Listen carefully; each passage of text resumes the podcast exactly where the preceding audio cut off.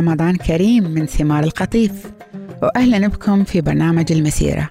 بنتعرف في مسيرتنا على قصة الله مع البشر من بدء الخليقة لحد ما تحقق وعد الله لنجاة البشر من خلال المسيح.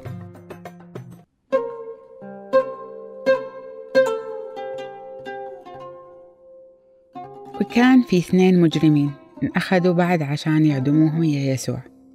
ويوم وصلوا مكان اسمه الجمجمة. وصلبوه هناك المجرمين.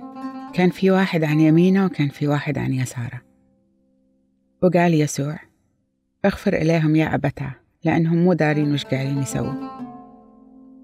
وسووا على ثيابه قرعة وتقاسموهم. وقفوا الشعب هناك يطالعوا اللي قاعد يصير.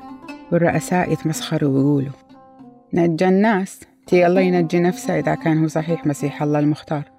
والجنود بعد تمسخروا عليه. وكانوا يروحوا له ويعطوه خمر مخلل ويقولوا إذا أنت ملك اليهود تي يلا نجي نفسك. وكانوا حاطين فوق لافتة مكتوب عليها هذا هو ملك اليهود. وقام بعد واحد من المجرمين على الصليب اللي جنبه شتمه وقام يقول له مو أنت المسيح له؟ يلا نجي نفسك ونجينا إياك. لكن المجرم الثاني سكته وقال له الحين أنت ما تخاف الله وأنت بنفسك حاطينك تحت نفس العقوبة. لكن هم عقابهم إلينا عدل في محله لأن نستاهل مقام اللي سويناه. لكن هذا الإنسان ما سوى ولا شي غلط. يا يسوع تذكرني لما تروح ملكوتك. ويسوع قال له بأمانة أقول لك اليوم بتصير إياي في الفردوس. وحوالي الساعة 12 الظهر ظلمت الأرض كلها لحد الساعة 3 العصر لأن انخسفت الشمس وانقصت ستارة الهيكل من النص. وصرخ يسوع بصوت عالي وقال يا أبتاه أستودع روحي في يدك. ويوم قال هالكلام سلم الروح. ويوم رئيس الجنود شاف اللي صار قام مجد الله وقال فعلا هالإنسان كان من الأبرار. والجماعة اللي كانوا هناك موجودين عشان يتابعوا الأحداث شافوا كل اللي صار وبعدين رجعوا بيوتهم يضربوا على صدورهم. وكل اللي كانوا يعرفوا يسوع كانوا واقفين من بعيد.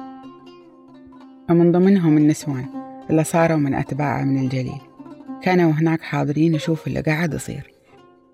وكان في رجال اسمه يوسف يشتغل في المجلس الأعلى في مجلس اليهود. وكان إنسان صالح وتقي وما كان موافق على قرار أعضاء المجلس وفعايلهم وكان أصلا من الرامة واحدة من مدن اليهود. وكان هو واحد من الناس اللي كانوا يترقبوا ملكوت الله. وما شافوه إلا قام راح لبيلاطس وبيلاطس كان موظف حكومي روماني على محافظة يهودا. وقام طلب منه يعطيه جثمان يسوع. وقام نزله من على الصليب وكفنه بكتان وحطه في قبر منحوت في الصخر. وهالمكان ما اندفن فيه أحد من قبل. وكان هاليوم بالنسبة لليهود يوم التجهيزات لليلة السبت لأن الشمس بدأت تغرب وليلة السبت قربت. وقاموا النسوان اللي طلعوا من منطقة الجليل يا يسوع. لحقوا يوسف لحد ما وصلوا إياه مكان المقبرة وشافوا كيف يوسف حط جثمانه داخل القبر. ولأن صدفت ليلة سبت قاموا النسوان رجعوا بيوتهم وجهزوا عود وعطر الناردين وبعدين فرغوا من شغلهم وهجدوا بحسب تعاليم الوصايا العشرة.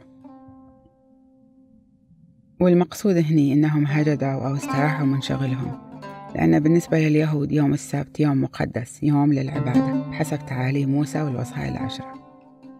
والمقصود بالخمر المخلل. هو خمر رخيص جودتها مو مرة عالية. عشان تصير موتة يسوع أبطأ ويتعذب أكثر وهو على الصليب